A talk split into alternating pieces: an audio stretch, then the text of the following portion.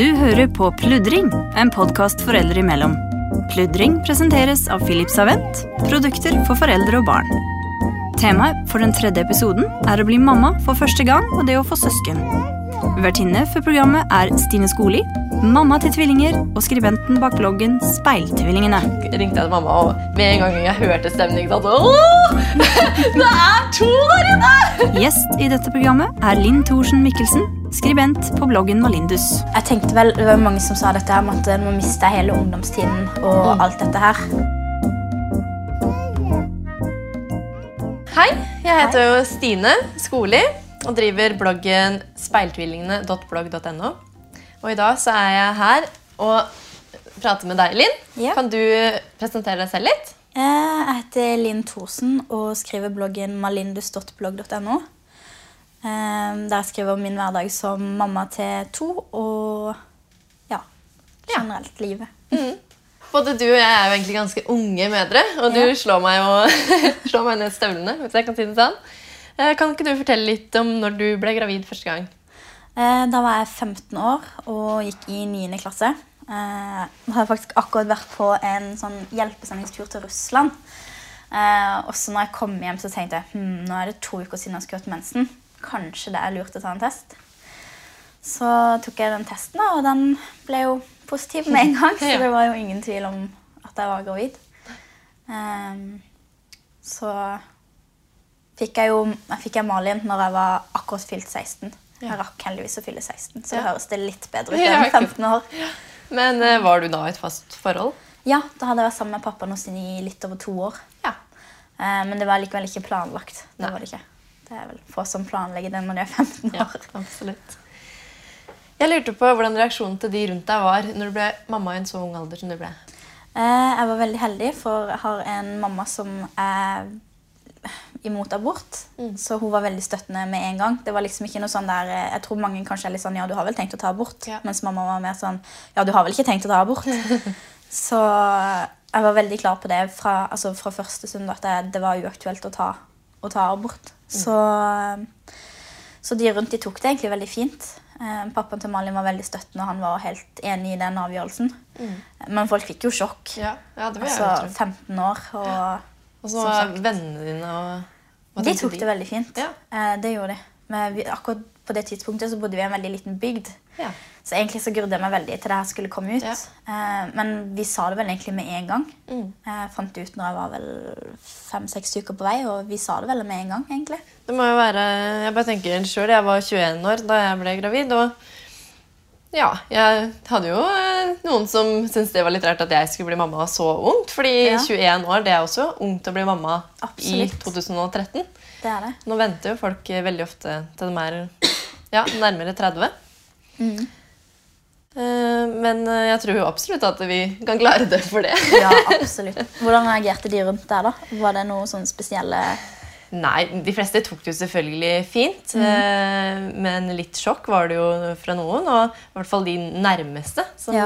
liksom ikke hadde venta helt det. Nei. Noen hadde venta det fordi de har alltid vært glad i barn og, og var et fast forhold, og de så vi hadde det veldig bra. og Sånn at de kunne kanskje tenke at det kom til å skje en gang. Eh, reaksjonene rundt eh, meg var jo det var veldig spredt. Noen syntes det var helt greit. Eh, pappa var vel den som var mest sånn bekymra.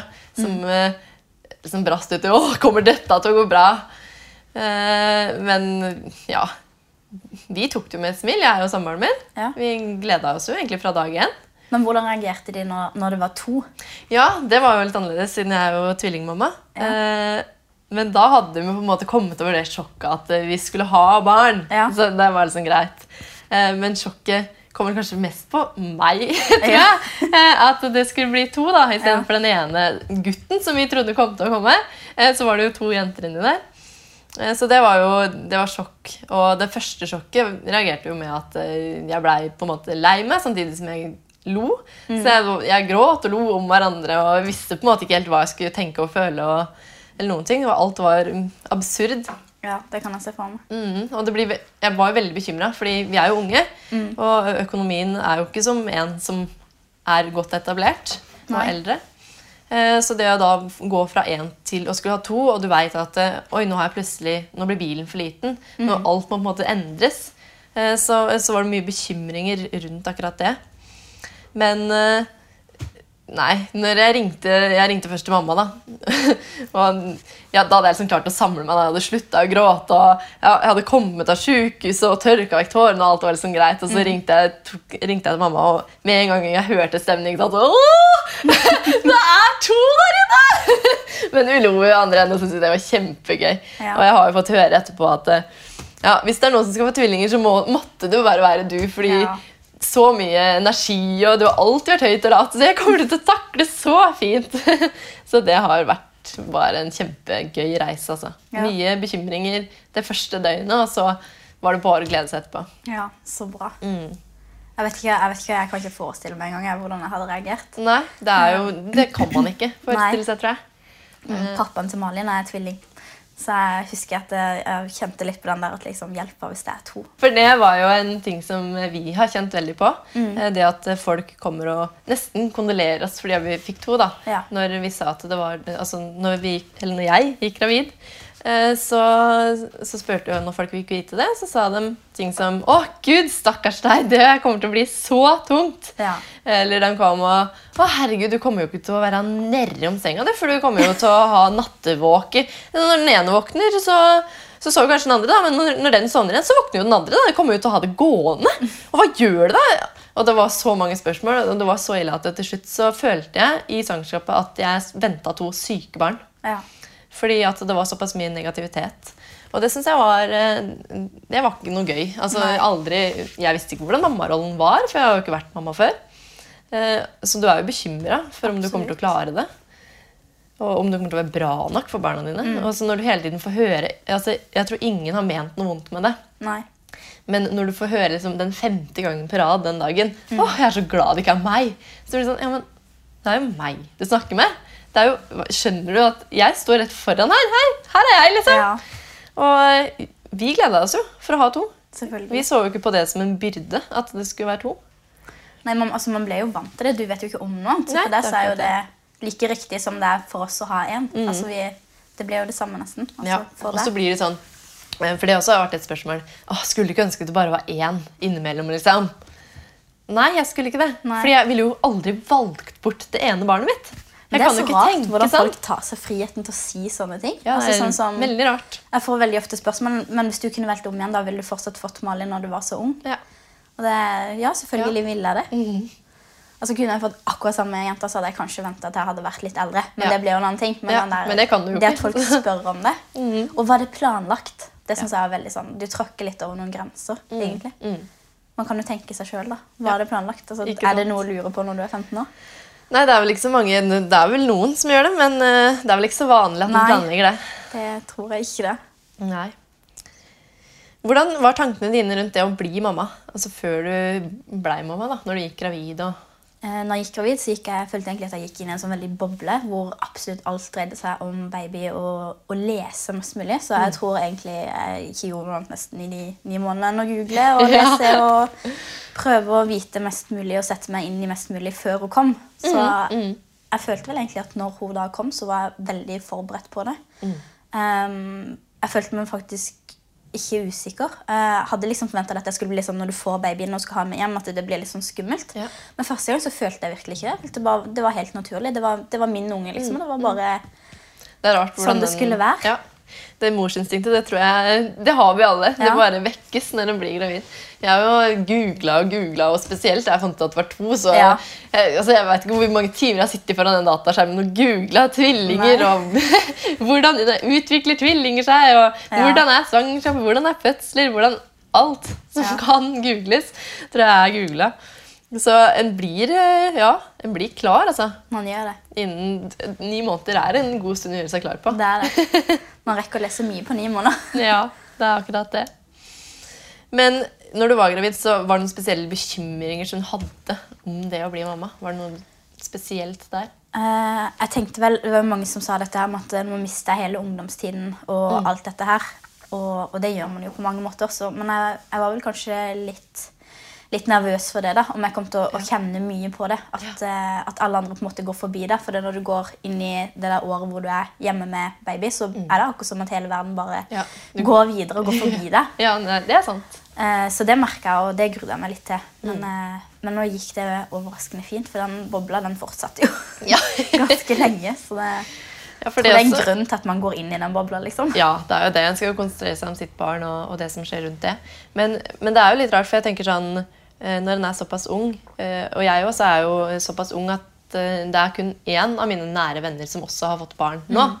Eh, og det blir jo en veldig sånn, Man blir på et veldig forskjellig stadie av livet, da, om jeg kan kalle det eh, med de som ikke har barn, og vi som har fått barn. Ja.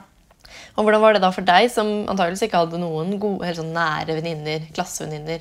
Eh, Det, det tror jeg kanskje var verst med å være så ung, for Mm. da ble den forskjellen så ekstremt tydelig. Um, det altså Bare tanken på å gå tilbake på skolen og sitte og høre om de som klagde over foreldrene som sier at de må rydde rommet sitt. altså Ja. Det ble helt sånn der eh, helt. Da sto jeg hadde flytta hjemmefra og gjorde absolutt alt sjøl og hadde så å si nesten ingen hjelp. Og da, da ble det veldig sånn Vi levde føltes som å leve i to vidt forskjellige verdener. Ja. Vi var like Ja. gamle, men levde så forskjellige liv som man kunne fått. For det, Vi har jo snakka om det at man, man blir jo aldri gammel, på en måte, eller man er så gammel som man føler seg sjøl. Altså, man kan jo være 40 år og føle at man er 20. Og, og selv om jeg ikke er så gammel, så jeg føler jo fremdeles at jeg er 18. Jeg føler jo ikke at jeg på en måte er blitt 22. Man skjønner jo ikke helt, helt ja, men Etter hvert så merker man jo ikke den alderen, at den blir eldre og eldre. Nei. Men eh, det blir jo et Vi fant jo ut det at eh, når en får barn, det er jo virkelig da en kan skilne på det der at en faktisk blir litt mer voksen. En må ta mye mer ansvar. En må ja, være mer til stede. En Ja. kan ikke bare gjøre som en sjøl vil. og og reise, da. Nei. Bare ta med kofferten og dra. Nei, før mer- man, før man får barn, så er jo det et valg. Liksom, man kan velge om man vil- være voksen, men når man får barn, så har man, har man ikke det valget lenger. Da Mm. Må man bare stå i de kjedelige tingene og Mm. gjøre det man må. Ja, det er akkurat det. Den største utfordringen fra å være liksom bare deg da, som ung og aleine, til å plutselig ha ansvar for et barn, hva syns du det har vært? Jeg følte at jeg, jeg tror kanskje jeg ga veldig mye slipp på meg sjøl Mm. når jeg fikk Malin. Um, jeg lot alt dreie seg om henne. Kanskje nesten til et punkt hvor det nesten ble litt usunt. At det, det var liksom Alt var bare Malin. Ja. Um, jeg tror kanskje jeg kjente litt ekstra mye på det siden jeg var såpass ung. At jeg følte at jeg hadde litt mer å bevise enn det eldre mødre Mm. Ja. kanskje føler at de har. Mm, absolutt. At du skulle stille opp på, Ja. med vennene dine. Og, Um, så det, alt dreide seg vel egentlig om, om Malin ja. det første året. Ja. Gikk liksom helt opp i det. Mm. Men eh, du hadde vel sikkert besøk av venninner og sånne ting. Hvordan syns de det var å være hos deg når du var mamma? og... Eh, jeg hadde, hadde faktisk ikke så veldig mye besøk etter jeg fikk Malin. Eh, fordi det var akkurat som eh, at det, det, vi passa ikke sammen lenger. på en måte. Nei, for det blir en veldig stor sprik, på en måte. De var litt mer der at liksom, å, så nusselig liten baby og kan vi ta på en kjole. Så det, var liksom, det føltes nesten litt som å leke med dokker. Ja. Altså, liksom, det var sånn de så på det. Ja. Eh, mens man sjøl vet eh, hvordan det er med hvor mye ansvar det er, og hvor mye jobb det egentlig ligger bak. Da. Det er ikke bare å kle på de fine klær og dulle. Nei, jeg har tenkt på det, for eh, jeg har jo veldig mange venninner som ikke har barn. Og så har jeg noen ja, jeg har en veldig god venninne som har barn. Og andre barselgruppe og de da, som også har barn. Og jeg kjenner jo at jeg syns det er veldig selvfølgelig kjempegøy å være med venninnen min som ikke har barn. Mm. Men det å kunne være sammen med de som har barn, og bare snakke om tissebleier og bæsjebleier Ja. og, og alt det der som hører til den babybobla, så det er jo helt fantastisk. Og er man kan ikke sitte og snakke sånn med de som ikke har barn. Nei. Fordi det er jo helt det, det må jo være forferdelig. Ja. De bryr seg jo ikke om date om det. De vil høre om det. Ja, nei, ja, så søt og nusselig, og kan vi ta på den der Ja, rosa ja, ja. Eh, Men du kan jo ikke snakke om alt det babyrelaterte. Og det er jo, det er jo en boble man kommer inn i. Ja, og så det, det blir sånn på en annen merkelig måte nesten alt man vil snakke om. Altså Man får lurt inn et eller annet om ungene i, Ja, ja, ja. i nesten alt. Ja, men for det så blir det sånn etterpå Ja, kanskje jeg snakka litt mye om de Ja. babyene mine nå.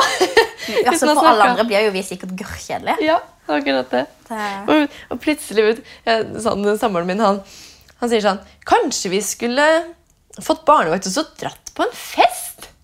På, på fest? Mm. Fins det mer? For er det, det er helt glemt. Altså. Feste Nei, nei, jo Ja, vi kunne kanskje Men jeg tenkte kanskje vi heller kunne ja, fått barnevakt og så dratt på kino. Det hadde vært gøy! Ja, det er rart blir hvordan man sånn. bare omstiller seg. Vi som på en måte har eh, ja, vært ute og festa nesten hver helg, da. Og så plutselig så var det barn, og da Ja, hvor bråslutt det blir, da. Det blir sånn glemt. Det føles ut som en annen verden. Mm. Og så går den, da. For eh, jeg var veldig heldig og, og hadde en samboer som Eller har en samboer som var veldig på mitt lag når jeg var gravid. Altså, han var ikke ute og drakk hvis ikke jeg var det.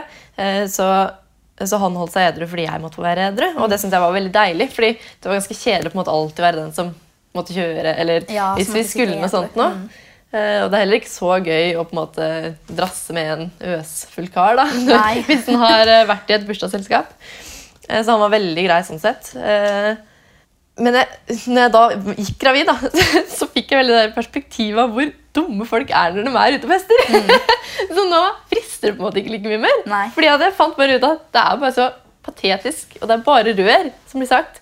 Og det er det samme hver eneste helg Mm. som blir sagt. Ja, Det kjenner jeg veldig. Nå har jeg vært ute etter, etter jeg fikk andre mann, og det, det er så utrolig annerledes denne gangen. Det, er, det er liksom Ja, det føles ikke likt i det hele tatt lenger. Um, Nei, det det har liksom ikke samme underholdningsverdien lenger. Nei, det har ikke det. altså. Og når den er ute, da, så tenker jeg litt sånn Åh, åssen har barnet mitt det? Mm. så en sånn tekst da, som eh, passer på barnet. Så du får liksom ikke den derre Du kan ikke være deg sjøl og uh, hæla i taket og tenna i tapet- tapeten. Man Det tenker blir- jo at man skal hjem og Ja. fungere dagen etterpå. ja, Og ikke minst hva folk sier og tenker om ja, absolutt. Det Det, var jo- en veldig sånn stor greie for meg. Jeg har eh, drek, vært på fest da én gang da, siden de kom. Mm. En stor fest som er i Re hvert år, der jeg kommer fra. Og jeg var veldig sånn Åh, nei, jeg skal bare ha med meg de tre rusbrusene der! Fordi at jeg tør ikke å bli full! For tenk hva folk sier om meg. Og det tror jeg er en sånn der, eh, greie som mange mødre føler Ja, på. da. særlig første gangen, tror jeg. Ja. Når man har, har den der eh, At man kanskje føler litt at man fortsatt må bevise noe. da. Ja, At du må bevise at nå har du blitt voksen og har fått barn. og En skal ta litt ansvar. da. Hvis jeg tenker på mamma, jeg kan ikke se for meg at hun liksom har rava rundt og Nei. på fest. fordi hun er hun er mamma. Hun skal jo passe på. Hun er ordentlig og strukturert. og Det er så rart eh, hvordan det forandrer seg. Jeg har tenkt på, Siden du er en ung mamma, hvordan syns du støtten fra samfunnet har vært? Når du da Eh. fikk første barnet ditt? Når du er sammen med barnefaren, så er det jo egentlig ingen støtte å hente, bortsett fra barnetrygd. Mm. Og den er vel på 970 kroner i måneden. Eh, jeg vet ikke om du tenkte økonomisk nå, eller hva du tenkte. Um, mens nå ble jeg alenemamma for Malin når hun var litt over året. Og da må jeg ærlig si at vi har helt fantastiske ordninger for alenemødre i Norge når det kommer til, til den økonomiske biten. Ja. Eh, vi mangler overhodet ingenting, for å si det sånn. Eh, mens nå, når jeg har fått nummer to og er samboer med barnefaren, så er det jo da er er det ingen støtte. Nei. Da blir det som å gå i ulønna permisjon når man har, ikke har jobba eller gått på skole før. Nei. Nei, fordi eh, som ung mamma, og du sa at du fikk, eller ble gravid når du gikk i 9. klasse, så har jo selvfølgelig ikke du jobba en Nei. 100% stilling som kanskje de fleste ønsker å ha gjort før de blir gravide. Og så kommer man, Når man går på, på ungdomsskolen og ikke på videregående, så har man, altså på videregående har du jo krav på stipend da, når Ja. du går hjemme, mens når du går på ungdomsskolen, så har du jo ikke sånne løsninger. Nei, det er sant. Mm. Det er litt å tenke på. men, eh, det er jo kanskje ikke så rart at ikke de har noen ordninger for det ennå. Nei da, det er jo ikke det. Det er, det er vel ikke så mange tilfellene Nei. Det i Norge ikke som det skjer. Men det skjer jo, så det kunne kanskje vært Ja. En støtte på det. Du har jo fått flere barn, eller du har fått en sønn også. ja, det har jeg. Han er seks måneder nå. Ja, Like gammel som mine. Ja. Åssen var det? Var det planlagt? Eh, nei, det var ikke så veldig planlagt. det var ikke det. Nei. Men eh, han var veldig velkommen, eh, og han var veldig ønska. Vi fikk jo virkelig testa grensene våre i det svangerskapet. Ja. Ehm, så For du hadde litt eh, komplikasjoner under svangerskapet? ja, det hadde vi. Eh, helt fra uke Det var, ble vel oppdaget i uke 11 at han hadde veldig stor nakkefold på 6 millimeter. Ja. Den skal jo være maks 2,5-3. Eh, så var det jo, ble vi sendt til Riksen og, og fullt styr med utredning og morkakeprøve. Og, og vi fikk faktisk beskjed om at det var under 1 sjanse for og at dette svangerskapet kunne fullføres med levende eller friskt barn. For det var så mye som så så galt ut. Ehm, det begynte med at det, det, han hadde nesten ikke fostervann. Nei. Så man har jo det fine svarte feltet rundt babyen som, som man ser at det er fostervann. Det, det var nesten ikke der. Um, men så gikk det litt bedre for hver kontroll. Um, utrolig nok. Og vi valgte å fortsette. Så, så gikk det jo bra. Han er ikke helt frisk, men han er så, det er ikke så ille som det kunne vært. Eh, men det var en enormt stor forskjell å gå fra å ha et eh, nokså perfekt svangerskap med nummer én til at nummer to var et ja, Var det mye inn og ut fra sjukehus og mange ja, vi var ultralyder? ukentlig. Ja, ukentlig. Og på slutten var vi vel annenhver dag. Så det Ja. var ganske mye. Mm. Men kom den til termindato, eller kom den Nei, han kom i uke 38. uke 38? Eh, to uker før? Ja, Så det var jo ikke noe prematurt. Nei. Men. Nei. Jeg også fikk jo, var mye inn og ut av sjukehuset. Ja. Eh, siden det, når de fant ut at det var to, så blir man jo også fulgt opp ekstra nøye. Mm. Eh, for det jo, de regner jo det også som et risikosvangerskap. ja. Eh, Men de hadde hver sin morkake og hver sin fostersjekk, og da er det veldig mange komplikasjoner med tvillinger som blir utelukka. Ja. Det at de på en måte tuller seg inn med navlestrenger, og, Mm. og at den ene ikke får nok næring, og sånne ting, det blir på en måte fort utelukka. ja. Men hvordan gikk det med fødsel, da? Eh, Jeg fødte begge to vaginalt. Ja. Så de kom på naturlig vis Ja. med smertelindring. Jeg hadde epidural. Det er noe som alle tvillingmødre får, Ja. med mindre de blånekter. For Ja, det, det, det hadde jeg takka ja til. ja, ja, det, var veldig, det var veldig deilig å få. Ja. Så, men det som ofte er, er at de må inn og hente nummer to med tang. Ja. Eh, Det slapp jeg. Det er to minutter imellom de. Ja. Så uh, nummer to hun kom stupende ut etter søstera si. Hun skulle ikke være der alene. Så det gikk veldig veldig fint. Altså. Hun kom på første ria. så bra. Ja. Så, men hadde det vært sånn på begge Da hadde det ikke vært noe vanskelig å føde. Nei. Det var litt verre med nummer én. Men etter det så var veien klar, så da kom nummer to etter. Noen fordeler må man jo ha. Ja, ikke sant? Jeg sa nemlig det midt i at jeg, jeg håpa at jeg kunne slippe nummer to. Ja. Men jeg var veldig glad for at det gikk så smertefritt som det gjorde. Ingen komplikasjoner. Uh, og det er jo sånn at når den ene kommer ut, uh, så står det en lege over og holder på den andre. For, den ikke, for da blir det plutselig en kjempestor plass inni magen.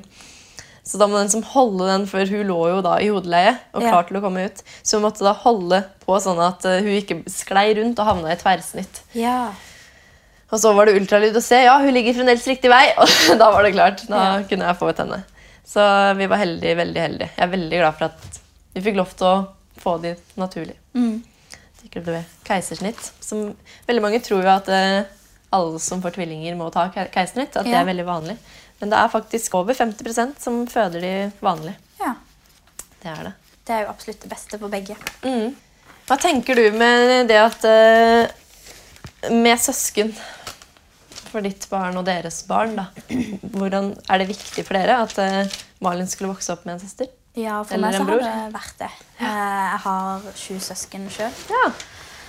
Men nå har ikke jeg vokst opp med noen av de sånn fast, så for meg så var det litt viktig at, liksom, at Malin kunne få søsken da, som, som var med henne hele tiden. At de kunne få vokse opp i samme hjem og, og ha hverandre. da. Ehm, og så er jeg veldig fornøyd med alderen. At det har fire år imellom de. Det syns jeg egentlig er helt perfekt for oss. Hvorfor uh, syns du det er en gyllen alder? Jeg synes det er fordi Da har hun liksom kommet over den verste trassen, og hun er mer selvstendig. Um, ute av bleiene og klarer seg veldig mye sjøl. Um, trenger ikke å løpe til for å hjelpe med, med absolutt alt. Og, og hun forstår veldig mye. Ja. Så det gikk liksom an å forklare liksom hele, hele greiene. da. At nå, nå skal vi inn på sykehuset, liksom, og så må mamma være der litt. og så, altså Hun skjønte så mye mer. da. ja. Mm. Um, man fikk jo vi nesten en måned på, på nyfødtintensiven, så jeg tenker at hvis hun hadde vært mindre, så hadde hun ikke hun forstått hvorfor. Nei. For eksempel så hadde hun vært halvannet, da, så hadde ikke hun fått samme forståelsen. Nei. Nå sier ikke jeg at det er verre enn eh, altså, at Nei. det ene er mer riktig enn det andre, men for oss så var det veldig, veldig riktig. Ja, det skjønner jeg. For eh, det kan jo ikke være vanskeligere når du ikke kan forklare dem, fordi da forstår de ikke helt Nei. den settinga. Og jeg kjenner ei som eh, måtte ligge på sjukehuset lenge. eh, fordi hun hadde fire små i magen. Og hun har eh, ei på to og et halvt i tillegg. Ja. Og hun syntes jo det var det verste. og Det å måtte være borte fra henne, og at hun på en måte ikke forsto hvorfor mamma Mm. dro av gårde. Så det var jo en kjempetøff tid. ja, det kan jeg se for meg. Mm. Mine har jo alltid en søsken. Ja. De har jo hverandre. Eh, men eh, vi har jo lyst til å få eh, en eller to til. Jeg er jo der at jeg ønsker meg jo tvillinger igjen. Fordi jeg har, jeg har bare positive opplevelser med å få to da, i slengen. Selv om det er jo skrekken for mange. Men det er Ja, jeg håper jo neste gang at jeg kan være så heldig å få to gutter. da. Det hadde jo vært virkelig moro å få prøvd seg på en gutt òg. To hadde jo vært perfekt. Eh, Men nei, vi håper jo, hvis vi kan få flere barn, at det blir i hvert fall ett til. Mm. Eh, Det hadde jo vært helt perfekt. Jeg tror det er viktig. Men vi også kommer nok til å vente litt til den blir litt eldre. Eh, Men ja, vi har jo to. Dere har to, ja. Sånn at Uh, eh, Ja, da er det kanskje mer naturlig å vente litt lenger, da. Fordi jeg tenker jo litt sånn at uh, hvis man er enebarn, uh, så blir, da er det veldig lett at det blir veldig mye fokus på det ene barnet. At de kan bli litt bortskjemt, om de kan si det på den måten. Og at de mister litt den der eh, å respektere andre og kunne dele. Og de tinga som en Ja, og tålmodighet. Og vente på hverandre. Som man får da, hvis man har en søster eller bror. Ja, Det er jo ikke så lett det her med søsken når den kommer til likestilling for dems del. Eh, hvordan syns du det har vært fra å gå da og ha ett barn såpass lenge og bare konsentrert om det, og nå skulle på en måte dele oppmerksomheten på to? Det er veldig rart. Det er det. I første så syns jeg faktisk at det var kanskje noe av det vanskeligste eh, med ha, å ha to. da. Det med at du alltid har dårlig samvittighet for enten den ene eller den andre. Og det blir jo ofte til at den minste får mest oppmerksomhet, siden den store klarer seg sjøl. Så jeg har prøvd liksom å tenke mye over det. da. Være bevisst på at hun må at ikke jeg må glemme liksom at eh, selv om hun kan smøre brødskiver sjøl, så er det gøy at jeg gjør det innimellom. Og selv om hun klarer å kle seg sjøl, så er det greit at mamma hjelper til. og, og sånne ting. Um, men det er, det er mye dårlig samvittighet. Ja. Jeg vet ikke om du kjenner på det. Nei, jeg har det jo på en litt annen måte enn deg, siden jeg fikk to samtidig. Mm. Uh, men jeg må jo selvfølgelig må jo alltid, De må jo alltid dele oppmerksomheten Mm. med alle. Uh, men det er vel òg noe med det at jeg er bare vant til det. Så for meg er det på en måte helt greit. Mm. Og jeg har aldri følt at jeg gir den ene for lite stimuli. Nei. Ofte er de jo sammen, og det som jeg tror kanskje er lettere når det er tvillinger, er jo at de er på akkurat samme nivå. De er på Mm. samme stadie, samme behova, kontra dine, da, som det er flere år imellom. Ja. Sånn at eh, når, hvis jeg skal gjøre en aktivitet, da, så kan jeg legge de på den matta som gjør gjøre den aktiviteten, som er like gøy for begge to. Det er Mm. på en måte ikke den ene som da det blir kjedelig for. Nei. Eh, Så jeg vet ikke om det kanskje blir lettere fordi de er jevnaldrende. Det Eh, er nok det. Men jeg vet veldig mange, for jeg prater jo med mange andre tvillingmammaer. eh, Og de som har barn fra før, som har fått ett barn fra før, de sier jo det at de føler at de virkelig mangler den der alenetiden med barnet sitt. Eh, Og det kan jeg jo forstå hvis jeg liksom setter meg inn i det, men jeg skjønner det på en måte samtidig ikke, siden jeg har aldri opplevd den der alenetiden med bare ett barn. Nei. Og for meg så er det veldig viktig det å, hvis jeg skal overleve min hverdag, eh, å samkjøre de. At de er synkroniserte. Eh, og det betyr jo da at de får mat samtidig. Og da, de sovner gjerne etter de har fått mat når de er babyer. Eh, så derfor så får de mat, eh, og da sovner de.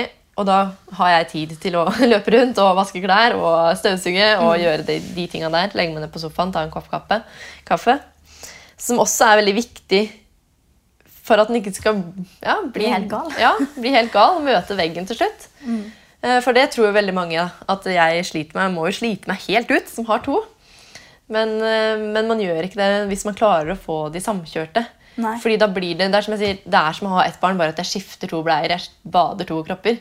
Men jeg gjør alt likt. så Jeg bare må gjøre det med to armer. Det er ikke sånn at du liksom gir én mat, og så gir du den neste mat, Nei. og så den ble, og så den ble. Altså, det blir Det går liksom på, men det blir jo som en sånn slags løpebånd. hvis man kaller det. Ja. Det blir stellebord, skift, skift, skift. Ned, neste, skift, skift, skift. Og så går vi i sofaen. Eh, Jeg har jo amma fram eh, Jeg er fullamma i tre måneder, og så er jeg delamma til de har nå seks. Ja. Eh, Og da er det å sette seg ned, og jeg ammer jo begge. Vi har heldig å ha to pupper, Ja. så da er det bare å sette seg ned, få en god ammepute, så legge én til hvert bryst, og så får de jo da spist samtidig. Ja. Og veldig mange, har, eh, veldig mange tvillmammaer er der at de føler at de må amme. Det må de gjøre med bare ett barn. For det er virkelig den der kosetiden. Og jeg er helt enig i at det er en kjempefin kosetid. Men for meg så er, det, det er mest koselig hvis jeg har begge to hos meg. Fordi det er en kjempefin tid. Og hun vil jo ikke merke at hun andre ligger på den typen. Fordi de ligger jo her, og de er vant til å ligge på en måte i den stillinga som de ligger i tvillingstilling. Eh, og koser seg jo dønn i hjel, de. De blir jo ikke noe påvirka at, det- at de ikke ligger over brystet sånn Nei. som man vanligvis ammer. da. Eh, og jeg også merka det at eh, Og det visste jeg jo ikke før jeg fikk prøvd det. Men det at hvis jeg ser på Otilie, da, så, så er alt fokuset mitt på henne. Og det er kun hun, og hun er den vakreste dattera i hele verden. Jeg er, så- heldig jeg, som har henne! Hun er så pen! Og så snur jeg meg hodet fem centimeter bort, og der ligger Olivia. Og da er jo alt fokus på arbeidet. Åh, er det mulig å ha en så vakker datter? Nei, Hun må være den peneste i hele verden. og da ler folk, da, fordi at uh, tvillingene mine dem er enegga. Så de sier ja, det er ikke så rart at du kan si at de er den vakreste, fordi de er jo kliss like. men uh, men de, for meg så er jo de to helt forskjellige personer. Og de er, uh, de er like vakre, altså. men, men jeg tenker på dem som én person, og jeg får den der alenetiden. Selv om jeg sitter med begge der. Jeg klarer å på en måte koble det til bare det mennesket som du ser på. Så det tror jeg er litt annerledes enn kanskje den vanlige hverdagen for de som får ett barn. da. Ja. Men åssen blir det sånn etter hvert når de vokser opp, blir større med aktiviteter og sånne ting? Eh, Det kan jeg jo se for meg blir litt eh, utfordrende. Mm. Eh, nå har jo jeg i tillegg gutt og jente, så det blir jo kanskje litt forskjellige aktiviteter. Mm. Malin blir kanskje turn og den type ting, mens han blir kanskje fotball. Så ja, jeg ser det. for meg at det blir mye kjøring og, Ja. og mye sånn som skal gå opp, da. Men Mm. Hverdagskabalen. ja. Jeg tenker jo litt sånn eh, Der har jo du en fordel. Ja, ja, jeg har en fordel, men jeg har òg en eh, ulempe. Eller på én måte. Eh, fordi tvillinger har jo en veldig I hvert fall enige tvillinger, som i teorien er den samme personen. Mm. de har jo ofte en veldig sterk tilknytning til hverandre. Som gjør at de vanskelig slipper andre inn på seg. De blir bestevenner. Ja. Og så blåser de de der vennene der, fordi de er, har jo bestevennene sine der. Eh, Og det er jo mange fordeler med det, som at det blir jo aldri skummelt for de å begynne en barnehage eller begynne første skole. da, For de har jo alltid på en måte en trygghet ved siden av seg. Men så er jeg òg veldig på den derre hm, Skal de begynne i samme klasse, eller skal man skille de? Ja. Så, øh, og Skal man på en måte sende de på samme aktivitet, eller skal man prøve å få de til å velge hvert sitt for å bli en mer individuell person? Fordi tvillinger har veldig lett til å bli liksom de der. De Ja. jentene. Tvillingene. At de går som én person. da. To personer går som én person. Da tror jeg det er litt viktig at de får en Dette er meg, og hun, hun er søstera mi, og hun er sann. Det tror jeg er veldig viktig. Så det tror jeg nok blir en utfordring for min del. da, Å vite på en måte hva en skal Vite gjøre der. gjøre. Mm. Men jeg tror det, man må bare se det litt an òg. ja. Nå er de jo ikke så store ennå. Jeg tenker at det er vel Hvis de er så close at de ikke slipper andre inn på seg, så må man bare prøve å skille dem, så de klarer å finne venner utenfor seg ja, for de skal jo vokse opp en gang, de òg. Og Ja. ikke, er en ikke med man bor sammen hele livet. Nei, det, det er jo ikke så vanlig. Det er jo noen som gjør det, men Ja. de, ja, det hadde jo Det er vel mest naturlig at de etter hvert flytter for seg sjøl og starter sitt eget liv. Mm. Da tror jeg det er viktig at de begynner å bli et individ, da, hvis man kan kalle det. At Ja. de får sin identitet tidlig. Ellers så tror jeg det blir vanskeligere. Jeg veit ikke. Det er vanskelig å si. Mm. Sjalusi, det er jo et stort, uh, stort ord. ja. Hva tenker du, Hvordan syns du det har vært når du fikk uh, minsten? Det tenkte jeg ganske mye på når jeg gikk gravid. Jeg lurte på hvordan det kom til å bli, hva slags reaksjoner, og leste litt om det. Og så jo det at mange fikk ganske kraftige reaksjoner. Eh, men nå tror jeg vi har vært så heldige som vi kunne blitt med akkurat Malin. For hun er der at hun er nesten på grensen til at hun er stupforelska. Ja. Ja. Hun vil være opp igjen mest mulig og gjøre mest mulig. og det kan nesten bli litt for mye innimellom. Og han er den søteste lille godklumpen i verden og bærer rundt. og um, så det, der har vi vært kjempeheldige, rett og slett. Tror du det har noe med aldersforskjellen? Tror du det hadde vært vanskeligere hvis de hadde vært tettere? eller Ja, det større jeg egentlig. Ehm, og så tror jeg, når jeg fortalte Malin at det skulle bli en gutt, da, Mm. så sa hun Hæ, blir det ikke en jente? Det var liksom hennes reaksjon på det. Jeg var litt, sånn, litt skuffa over det, at ikke hun skulle få en, eh, en lillesøster. Mm. Men mm. når han kom, så tror jeg, jeg tror kanskje det er en, en liten fordel. da, at, eh, at hun får være, For hun er den eneste jenta i huset Mm. utenom meg. Så hun får liksom ha sine prinsesseting og, og være den. Og så har vi, har vi lillebror da, som har litt kulere leker og, Mm. og så videre. Um, altså, det, det tror jeg var en fordel, at de var forskjellig kjønn. da. At ikke hun kan bli sjalu på, på leker og, og den type ting. Em, for man gir vel kanskje litt annerledes oppmerksomhet til gutter og jenter. Ja. Guttene blir liksom mer eh, så tøff du er, mens jentene blir så søt du er og så fin du er. Og så videre. Hva tenker du om det, da? Jo, det er, mine er jo bare seks måneder, så det er litt vanskelig å si med den sjalusien eh, enda. Jeg er jo redd for eh, at de kan eh, føle på det. Og jeg, jeg har også vært veldig Jeg husker jeg var veldig redd for, når jeg fikk to samtidig, da, at jeg kommer til å liksom, synes den ene er penere enn den andre. Eller synes den andre er snillere enn den andre. Jeg var veldig redd for måte, de tankene der, da, som skulle på en måte gjøre at jeg ville forskjellsbehandle mine barn. Eh, Men det er jo ikke sånn. Jeg jo, eh, for meg er de to forskjellige personer. Eh, Men jeg, de er jo like fantastiske begge to. Ja. Det, det er jo ikke noe Ja, de er, de er på hver sin måte, men helt fantastiske. Selv om ja, det er enig, det er ingen andre som ser at de, de kan være forskjell på dem. Men de har jo sine trekk som gjør at de blir, blir forskjellige. Jeg tenkte mye på det med akkurat det med hvordan jeg ville føle for Malin. Altså Om man ville føle det på samme måte da, for han. Og tenkte på hvordan i alle dager kan jeg ha nok kjærlighet til en til. Ja. Det, var sånn, det føltes veldig sånn stort og skummelt. Og jeg var redd for det at, jeg skulle, at jeg skulle like han mindre. Ja. Um, og når han kom, så Jeg elsker det jo like mye, men jeg, jeg gjør det jo på forskjellige måter. Altså, jeg er jo, for meg så er det jo vel, de er to forskjellige individer, liksom. Eh, så det blir kanskje litt annerledes for meg. Ehm, så det, det var Det var kanskje det var litt utfordrende i begynnelsen. Jeg ble litt sånn redd for å gjøre noe feil. da. Eller Ja. tenke eller føle feil. Mm. Ja, meg, det tror jeg veldig mange mødre blir. Man er redd for å tenke feil Ja. om barna sine. Og det er litt sånn ja, skummelt, egentlig, fordi man, jeg tror ikke man egentlig burde legge så mye vekt på Nei, det.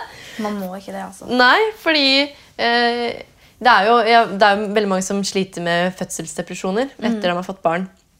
Eh, og, og det også er på en måte en sånn tabu, fordi at folk går og Du veit vet på en måte at du skal elske det barnet ditt over alt på jord. Når du får det i armene første, så skal det være det vakreste i verden. Og alt skal være så fint og flott. Og så er det noen som havner i den fødselsdepresjonen. eh, som virkelig på en måte omtrent blir redd for sitt eget barn. Og de vil egentlig ikke ha noe med dem å gjøre. Nei. Og det må jo være veldig trist for de å føle at samfunnet på en måte anklager de da, for å gjøre den store feilen der. For det er, jo, det er jo en helt vanlig ting som skjer. Det er jo veldig mange som lider av den. Eh, og da tror jeg det er viktig at en ikke på en måte havner ned i den der at jeg gjør noe feil. Fordi en gjør ikke det. da. Nei, men, sånn som andre så tok det kjempelang tid før jeg fikk denne veldig sånn ehm, Jeg hadde en veldig sånn beskyttelsestrang, men jeg hadde ikke den samme skikkelige mammafølelsen for han som jeg, hadde, jeg fikk for Malin da, med en gang. Det tok rett og slett litt tid å på en måte lære seg til det at man hadde to. da. Ja. At man, eh, Å liksom føle den samme, samme følelsen som jeg har for Malin. Det tok lang tid denne gangen. Det var ganske utfordrende i begynnelsen. Jeg hadde ikke det samme behovet for å, å gjøre alt. Um, men Malin var sånn jeg skulle helst gjøre absolutt alt sjøl. Ingen skulle omtrent få lov til å ta henne. Um, mens denne gangen så var jeg mer sånn at jeg følte at det, det var veldig greit om noen andre ville holde litt Ja. eller ville, ville gjøre ting sånn generelt. Det, var, det føltes veldig, veldig greit. Det føltes litt mye egentlig med en gang. Um, men nå var det jo en del ekstra utfordringer i forhold til at han ikke var helt frisk, og vi visste ikke helt i begynnelsen hvordan det kom til å gå. Så det var, var veldig sånn at man var usikker på om man tørte å bli ordentlig glad i han. For jeg tenkte hele tiden tenk hvis jeg mister han. Um, Det tror jeg nok kanskje mange kan tenke. Ikke bare du som, eh, som har fått et eh, litt sykt barn. Men eh, man tenker jo det der hvor skjør- hvor skjøre de er når de er så små. Og det er jo, jeg kjente jo på det. Mine var premature. Men det er veldig mye bekymringer i, i starten. Når en på en måte ikke veit hvor mye de tåler, eller veit hvor sterke de er. Nei. Og så skjønner en det etter hvert at det, å, går det an å være et så lite menneske og så hjelpeløs, men allikevel så sterk. Så er jo eh, en Jeg tror nok veldig mange må på en måte må lære seg det å bli glad i barnet sitt. Og lære seg å, å finne de der morsinstinktene. Da. For selv om det kommer jo på en måte naturlig, så er det jo en veldig ny hverdag som en må innstille seg på. Og, og, det er jo en prosess, Ja, hele absolutt. greiene. Um, jeg tror veldig mange tenker at, eh, at, det, at det kommer mye lettere enn det egentlig gjør. da. Ja. Ta det som en selvfølge. Og så når man da får det barnet. Man ikke føler det alle sier at man skal føle. Eller sier at ja, å, det var så fantastisk å få den på brystet. det var det beste i hele verden. Og så har du de som tenker at det, det er helt grusomt. Bare få vekk dette her ekle slimgreiene. Det var, det, dette var ikke verdt det, liksom. Så det, jeg tror det er veldig mye Altså Det skulle vært mer åpenhet rundt de tingene. da. Det er Ja. ikke alltid det blir sånn som man tror. Men Nei. det betyr ikke at det er feil. Nei, nei, fordi det er jo ikke feil. Nei. Uh, og den morskjærligheten den kommer jo gjerne, den. Men det kan, ta, det kan ta litt tid. Det kan ta noen dager, det kan ta noen måneder. Men den eh, kommer jo hos de fleste. Så det er viktig å vite at, at det går an å få hjelp for det. At Ja. det går an å snakke om det. Ja, Det er ikke for sånn at noen kommer og tar fra deg ungen din fordi at du forteller at du, altså, fordi du trenger hjelp til å komme i gang med de, de følelsene. Det tror jeg er viktig. Men Hvordan tenkte du, hvordan syns du det var for Malin eh, eh, med sjalusi overfor at dere da hadde fått en ny baby, og den får mye mer oppmerksomhet? Ble hun sjalu på en måte på at eh, ny fikk ditt fang? Nei, ikke på akkurat det. Men, eh, men den måten vi kanskje kunne merke litt på, var at hun, hun begynte å gjøre veldig mye mer ut av seg. Ja. Mm. Eh, og kunne bli veldig mye mer rampete. da. Eh, så vi merket det sånn. Så hun har liksom aldri hatt noe sånn direkte mot han. da. Han har liksom alltid bare vært hun har alltid bare vært veldig glad i og vil dille med. Men, eh, men vi, hun har nå vært litt frekkere og hatt noe hatt Rett og slett for å få mer oppmerksomhet. med litt sånn merkelige ting. ja. ja. Sånn som å tegne med rød leppestift på sofaen og Ja. ja. Sånne type ting. Rett og slett få retta litt oppmerksomhet. Ja. eh, om det går den ene eller den andre veien, så er det ikke så farlig. Bare få litt bli sett. Mm. Nå har vi prata mye om hvordan vi føler åssen det er å bli mamma for første gang. Mm. Eh, men hvordan syns du egentlig det har påvirka typen din og forholdet dere imellom? Eh, det har jo påvirka en del. Nå var jeg så heldig at han har en, en sønn fra før, så han visste hva han gikk til. Eh, men eh, det har jo påvirka forholdet masse. Um, vi har jo gått fra å ha barnefri ganske sånn jevnt og til å plutselig at nå har, har, har vi alltid ett barn hjemme. da. Så selv om, eh, selv om datteren min reiser til, til pappaen sin, så, så har vi fortsatt alltid ett barn. Så vi får liksom ikke den alenetiden lenger, sånn at vi kan gå ut. da. Eh, en ting er jo det å sitte og se film eller lage mat, men det er jo ikke helt det samme som å, Nei, det å kjenne at det bare er oss to. Ikke ha noe, noen sånn som må løpe opp for å trøste og dytte i smokk når man er midt inne i en film. eller, eller sånn. Jeg kjenner meg igjen. Ja. Det... Og så blir det vel kanskje litt kjedelig. Begge er slitne. Ja. Man er, han kom hjem fra en lang dag på jobb, er kanskje sliten etter mye sutring. Og, og så blir det vel kanskje litt sånn Man gjør husarbeid, og så spiser man middag, og så ser man litt TV, og så legger man seg. Det liksom blir veldig sånn A4 og veldig forutsigbart. Veldig sånn hverdag. Veldig hverdag. Hvordan merker dere det, da? Ja, vi har jo ikke opplevd å være foreldre mer enn i seks måneder. Men, eh, men selvfølgelig så blir det jo en veldig annen hverdag, og fokuset blir jo selvfølgelig flytta vekk fra oss og til de små. Eh, og jeg ser jo det at eh, hvis Bjørn Tore har jobba Han kan jo jobbe ekstreme lange dager. Og hvis han har jobba i tolv timer, så er jo han veldig sliten av å komme hjem. Og da kan jo han fint sette seg på sofaen, og så sovner han. Og så kan jeg tenke ja, men herregud, skal du ikke være sammen med barnet ditt? da? Ja. Barna dine er jo her. Men så tenker jeg jo igjen Oh, hadde jeg jobba i tolv timer, så hadde jeg også vært kjempesliten. Men må jo få lov til det. Men jeg tror ikke at jeg kanskje er litt opptatt av at eh, ja, at vi må på en måte være nok med barna. da. Men uh, jeg tror så absolutt vi er det, og han er kjempeflink. Og han har jo fått en veldig sånn annen start kan jeg kalle det, da, enn kanskje de fleste fedre får. Ja. Fordi vi, han bodde sammen med meg på sykehuset de første to ukene. Og i og med at vi hadde to, så var det én til hver. Og det var veldig greit, fordi det var ikke sånn at eh, ja, da, da tar jeg stellet, og så sitter jeg her og ammer. Det var, ja, Da tar du hus, så tar jeg hender, og så neste gang så bytta vi. Og så, De fikk jo mat gjennom sonde, så vi satt jo og holdt sånne små sprøyter med melk oppi. Og Da var det sitte der en halvtime og holde de, og så alt av stell og alt fikk jo han vært med på fra, helt fra starten. Eh, Så han har jo virkelig kommet inn i det. og jeg husker på sykehuset, da, Vi hadde alltid annenhver hvert barn da, til hvert stell. Og da, for Han var så heldig at han fikk alltid bæsjebleiene. For dem, da bæsja han fikk samtidig bæsja til hvert andre stell. Og han var så heldig og fikk alle. Men jeg tror jeg har tatt den igjen nå. altså. Men, eh, så det var veldig moro.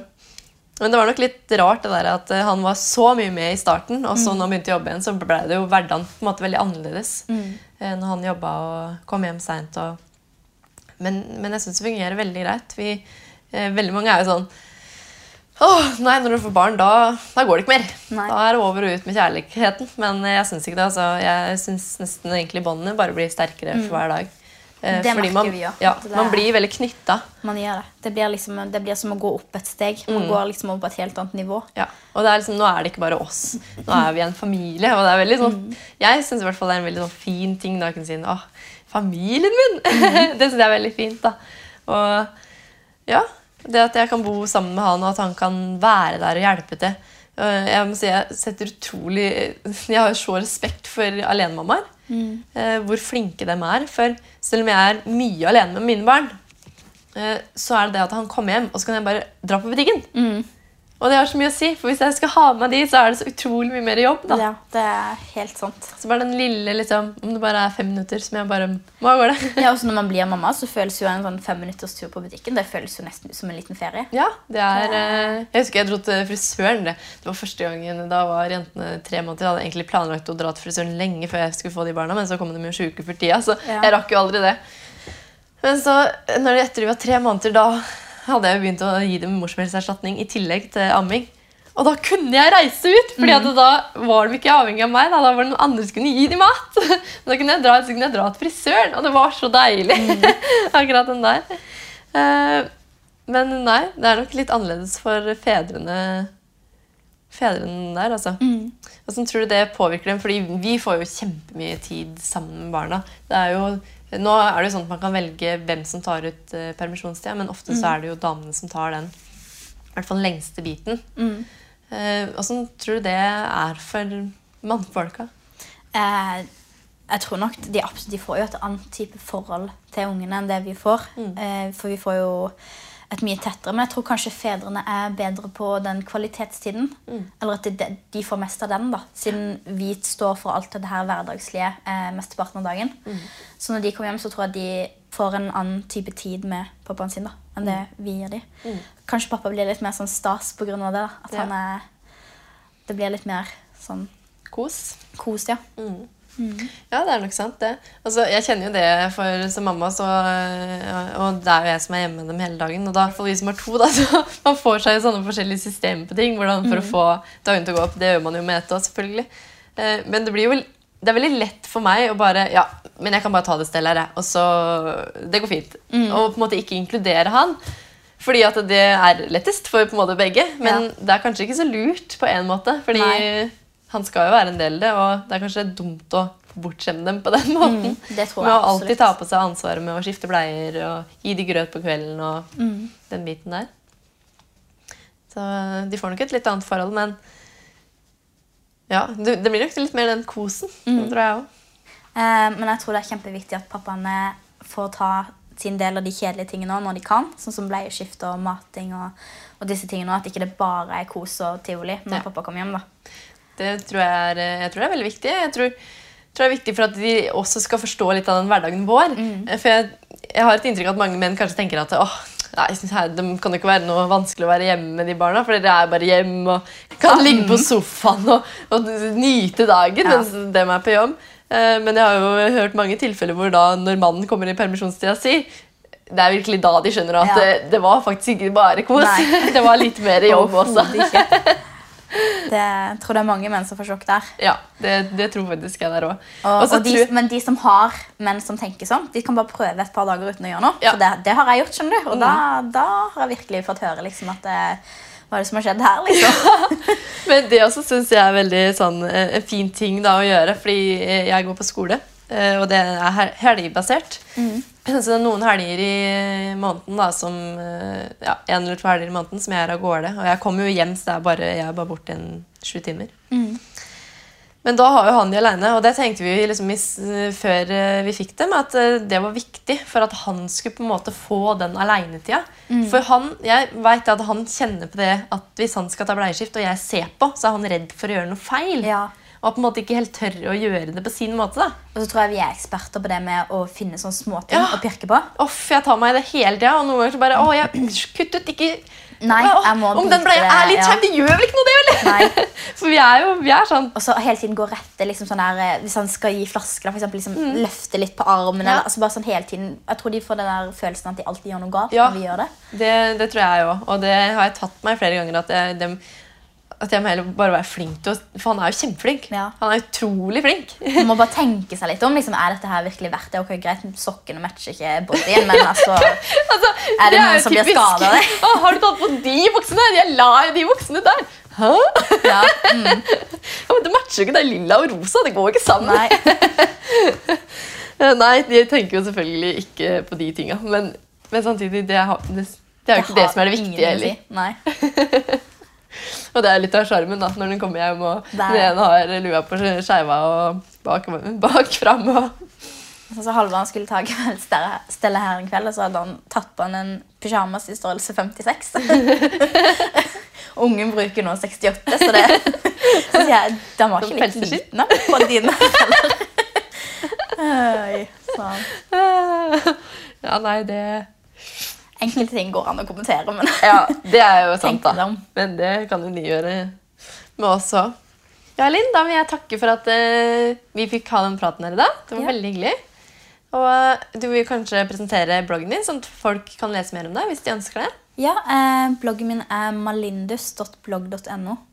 Og der skriver du om Der skriver jeg om hverdagen som mamma til to og bonusmamma til en, og om livet generelt som ung mor.